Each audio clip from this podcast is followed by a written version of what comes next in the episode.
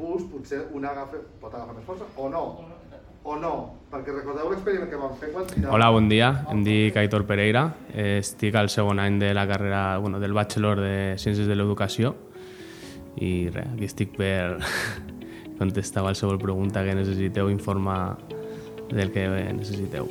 L'Aitor té 30 anys, havia fet un DEP, un diploma d'ensenyament professional, i de seguida va trobar feina, però al cap d'un temps li va picar el coquet de tornar a estudiar. Sempre m'ha agradat molt treballar, treballar amb infants i durant tota la meva vida professional he treballat a, amb, amb infants així a nivell d'activitats exteriors com d'esplai.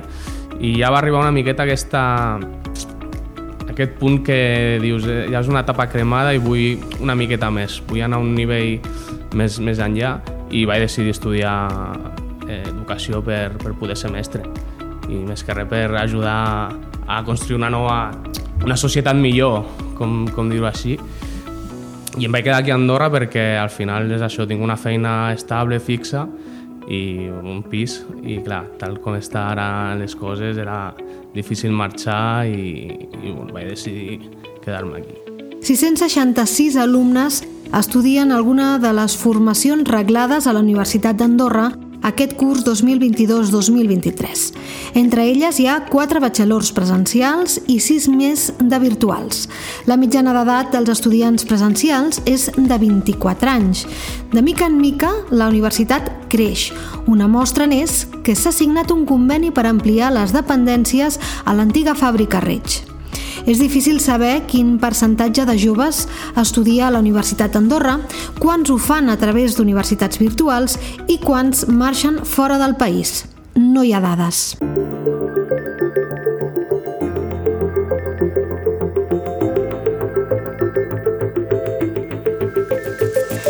Hola, sóc Esther Pons. Això és l'Altaveu a fons i aquesta setmana hem parlat amb alguns alumnes de la Universitat d'Andorra per demanar com és estudiar aquí, al país, i per què han triat aquesta universitat. Abans, però, ens avança una mica per on van els trets la professora i coordinadora del Servei de Programes Internacionals, Nadia Sous. És veritat que la universitat eh, té una oferta de, de formacions limitada, òbviament, no? a l'escala del país, però sí que és veritat que hi ha doncs, una oferta molt diversificada, empresa, infermeria, educació, informàtica, vull dir que abasta molts, molts àmbits de coneixement. I per als estudiants que no gosen encara sortir a estudiar fora, no? en, en llocs molt grans, on tenen la sensació potser que es perdrien, quedar-se a Andorra per fer un primer cicle, no? una primera fase d'estudis, és una molt bona opció per a aquests estudiants o que eh, el seu mm, doncs, eh, nivell econòmic no, no li permet anar a estudiar fora, perquè clar, al final s'ha de comptar que, que, que és com anar-te'n a viure fora però a vegades no tens la possibilitat d'estar treballant alhora. La Càtia explica el seu cas. Bon dia, em dic Càtia Fernández i estic aquí estudiant a la universitat. Estic a l'últim any del Bachelor d'Administració d'Empreses.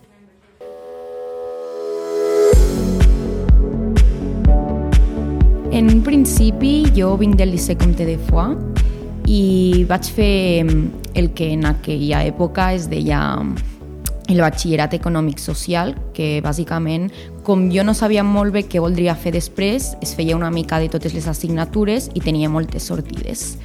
I la veritat que sempre he tingut bons resultats i els professors sempre m'han recomanat seguir alguna carrera relacionada amb tot el que sigui números, comptabilitat, però jo realment no estava molt segura.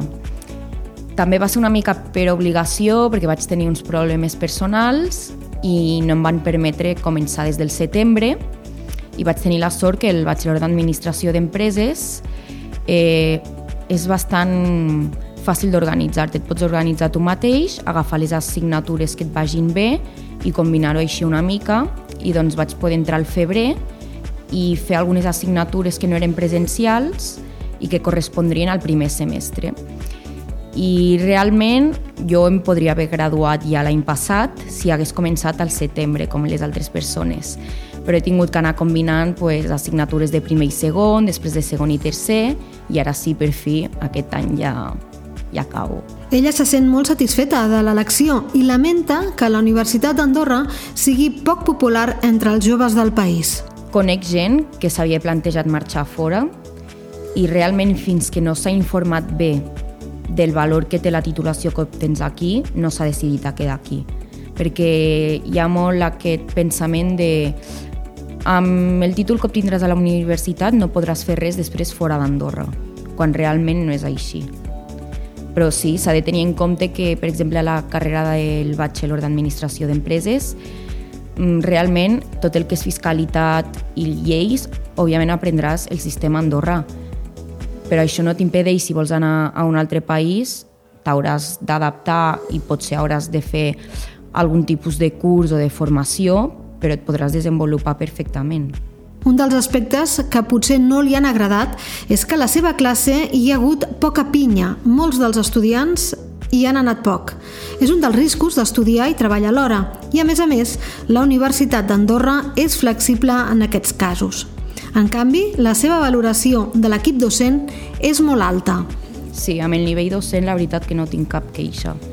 En tot moment, tinguis els dubtes que tinguis, en qualsevol moment escrius un correu, et contesten, o els veus aquí pels passadissos, i després inclús te'ls trobes fora de la universitat i al no haver-hi tants, tants alumnes com altres universitats de fora molt més grans, doncs hi ha aquesta relació també més personal i et saluden fora de la universitat i no sé, això és molt agradable.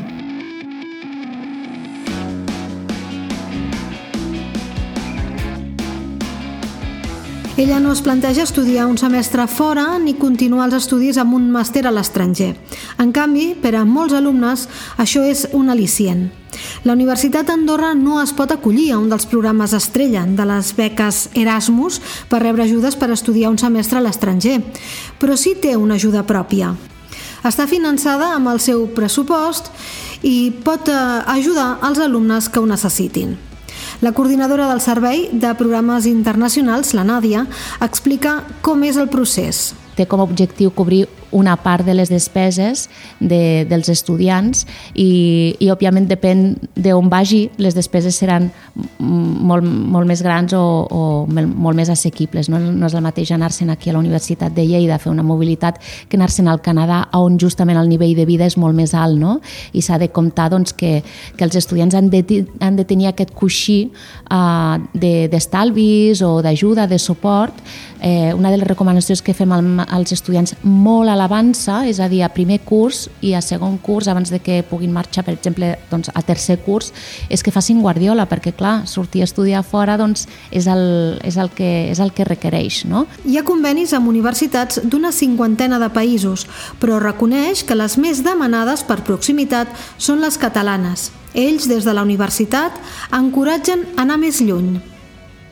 Però sí que recomanem, en tot cas, per poder diversificar les experiències a l'estranger, que els estudiants vagin lluny, amb contextos molt diferents i amb llengües molt diferents també.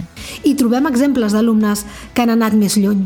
Les últimes experiències que hem tingut que han sigut molt bones um, han sigut a Finlàndia, a una universitat de Finlàndia del nord de Finlàndia on tenim conveni amb educació, saps que allà doncs, són bastant punters amb el tema de l'educació i de la formació de mestres i la veritat és que tenim allà doncs, una, una relació molt fluida amb aquesta universitat, és molt bona eh, i ofereix una, un tipus de formacions mm, diferents per als mestres i per tant allà han tingut unes experiències molt, molt positives.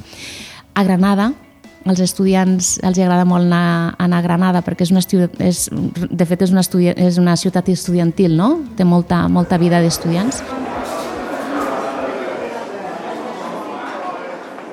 Precisament a Granada és on ha viatjat, on ha estudiat l'Oriol González, estudiant d'informàtica. En el meu cas, que jo vaig fer la mobilitat a Granada, que he tornat ara el semestre anterior, veus una altra manera de fer també, veus eh, altres tecnologies, que és el que dic, aquí no veiem. Llavors, per aquesta part sí que és veritat que no són tres anys que estàs fora d'Andorra, però també tens aquest semestre que si de veritat vols sortir i conèixer una altra manera de fer i tenir aquesta experiència no? d'Erasmus, per dir-ho així, d'intercanvi, la pots fer igualment, no és un impediment. És, és, és diferent, sobretot per, per el que dèiem abans de que hi ha molta gent a classe i aquest tracte tan personalitzat el perds, potser.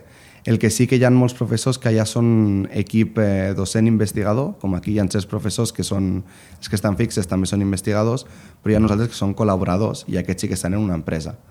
I llavors sí que és veritat que a Granada veies molt l'aspecte acadèmic en molts temes i aquí, en certes, en certes assignatures on els professors són col·laboradors, el que dic, eh, et donen una visió més empresarial i de com està més en el món. I quan parlem d'informàtica, sobretot les últimes tecnologies i les últimes maneres de fer. També una curiositat és que vaig trobar que aquí, per exemple, a Andorra tots anem amb, amb Windows, a informàtica, no? i allà tots anaven amb un altre sistema operatiu, amb un Linux, que aquí a informàtica n'hi ha uns quants que en van, però no és lo, no és lo normal, i allà tot el món anava amb allò. I, i això, el canvi més fort és, és eh, aquest professorat que és més acadèmic i no tan empresarial, potser. Des del 2017, la Universitat d'Andorra ha tingut una mitjana de dos estudiants en mobilitat cada any, ja sigui d'alumnes que venen de fora com d'alumnes d'Andorra que marxen a l'estranger. Pel curs vinent, però, ja tenen 16 sol·licituds per marxar és molt eh, beneficiós per al desenvolupament dels estudiants. Compte que nosaltres aquí rebem els estudiants que surten recent, recent sortits de batxillerat. Per tant, eh, tenir una experiència fora eh, aporta un aprenentatge que mai es podrà oferir entre les quatre parets d'una aula a la universitat i a Andorra, sobretot com a país tan petit, no? Al final l'escala eh, diguéssim, que, que determina la, la quantitat d'experiències que puguis tenir. Uh, per tant, aporta un aprenentatge que de cap manera podríem viure aquí per, pel fet de marxar sols, d'espavilar-se, de, de conèixer gent nova, d'obrir ment, etc. Els recursos econòmics són un fre i les ajudes són limitades. Tot i això, és una opció que cal tenir en compte i que crida l'atenció al nou alumnat. L'altra és l'atenció més personalitzada que rep en comparació a altres universitats més grans. Ho explica l'Oriol. Jo vinc del Liceu Comte de Foix i la idea era marxar a estudiar a Toulouse o, o, o per aquí a prop d'Andorra. Però quan hi romp la pandèmia eh, bueno, mundialment, no, pues vaig intentar buscar una altra alternativa que no, que no impliqués sortir del país. Llavors vaig trobar la Universitat d'Andorra, vaig començar a mirar quins pla d'estudis tenien, i veient que tenien la, tenia la possibilitat de fer informàtica, que és el que jo volia fer, vaig dir, bueno, em llenço, provo un any i si m'agrada continuo. I la veritat és que molt content perquè no hem fet eh, res virtual, com ha pogut passar a França, per exemple. Sí, primer això, no? que el quedar-me aquí a Andorra, que jo m'agrada molt estar aquí, viure aquí. Llavors, el tenir una universitat al costat de casa i no haver de marxar pues, és, és un punt a favor. I, i després, sobretot, el que més m'ha agradat és la, la facilitat de parlar amb els professors, la, la facilitat de si hi ha alguna que no entens o una tutoria, per exemple, no cal demanar hora amb certs professors, vas al despatx, parles amb ells, t'ho expliquen i no, no has d'esperar. Com no som tanta gent, i menys a informàtica, per exemple, està molt bé aquest, el tracte personal que ens donen. Siguin virtuals o cada cop més presencials, el fet és que tots aquests alumnes generen molt moviment a la parròquia i per això des del Comú de Sant Julià, on s'ubica la universitat, es vol potenciar aquest àmbit. Després de passar un matí a la universitat, vaig anar a veure el cònsul major, Josep Majoral, i em va explicar això.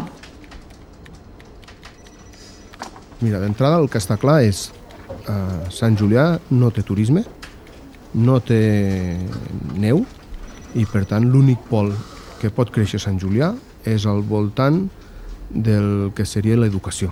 Per tant, eh, universitats, recerca i d'alguna manera els coneixements en general. No? Eh, la Universitat d'Andorra és una, és la que data d'avui ens aporta més volum d'estudiants, en aquest cas de forma presencial aquí, però no deixa de ser menys important també aquestes altres tres universitats que estan treballant de forma online perquè al final no deixa de ser publicitat eh, de la frontera cap a fora ni que tan sols sigui en el moment en la qual entreguen un títol. En el títol hi posa Universitat X de Sant Julià de Lòria. No? I per tant, totes són importants i el que perseguim és dinamitzar l'economia de la parròquia al voltant del jovent i com a gran objectiu o com a gran somni meu, eh, jo crec, bueno, crec no, és el gran somni, és veure Sant Julià com un Tolosa, no? ple de canalla, de, de jovent, d'estudiants, circulant pels pobles, no? Ai, pel poble, pels carrers, i conseqüència d'això, doncs, el que ve al darrere, no? Obertura de negocis diferents a el que hi ha hagut fins ara sempre enfocats cap a, a aquest jovent. I aquest és una mica el gran objectiu i el gran repte de la corporació. Des del Comú s'agraeix l'esforç que ha fet el govern per facilitar l'ampliació de la universitat que tindrà un cost de 6 milions d'euros. Així i tot, sí que creu que calen més recursos, especialment per a destinar a una residència universitària. Els estudiants que venen de manera permanent a cursar el seu, eh, els seus estudis durant tot un any, doncs ja hi ha problema per trobar una ubicació per, perquè puguin estar. També els professors que pugen a fer o a donar formacions, doncs ens trobem amb el mateix, segons ens informen des de la universitat, doncs tampoc saben a on allotjar-los. Eh, les universitats que tenim aquí a Sant Julià de forma online que també tenen alguns exàmens de manera presencial o fins i tot organitzen esdeveniments diversos, com ara, per exemple, l'estiu que ve, estan treballant per muntar una universitat d'estiu, doncs ens trobem amb el mateix problema. Falta d'un espai per poder-los allotjar. Per tant, aquesta residència universitària, eh, sota el meu criteri, hauria d'estar enfocada amb un ventall prou ampli com per poder acollir i donar resposta a tota aquesta necessitat que generen les universitats en general. D'aquesta residència, la seva ubicació i com es finançarà ja en parlarem en una altra ocasió, perquè no hi ha res tancat.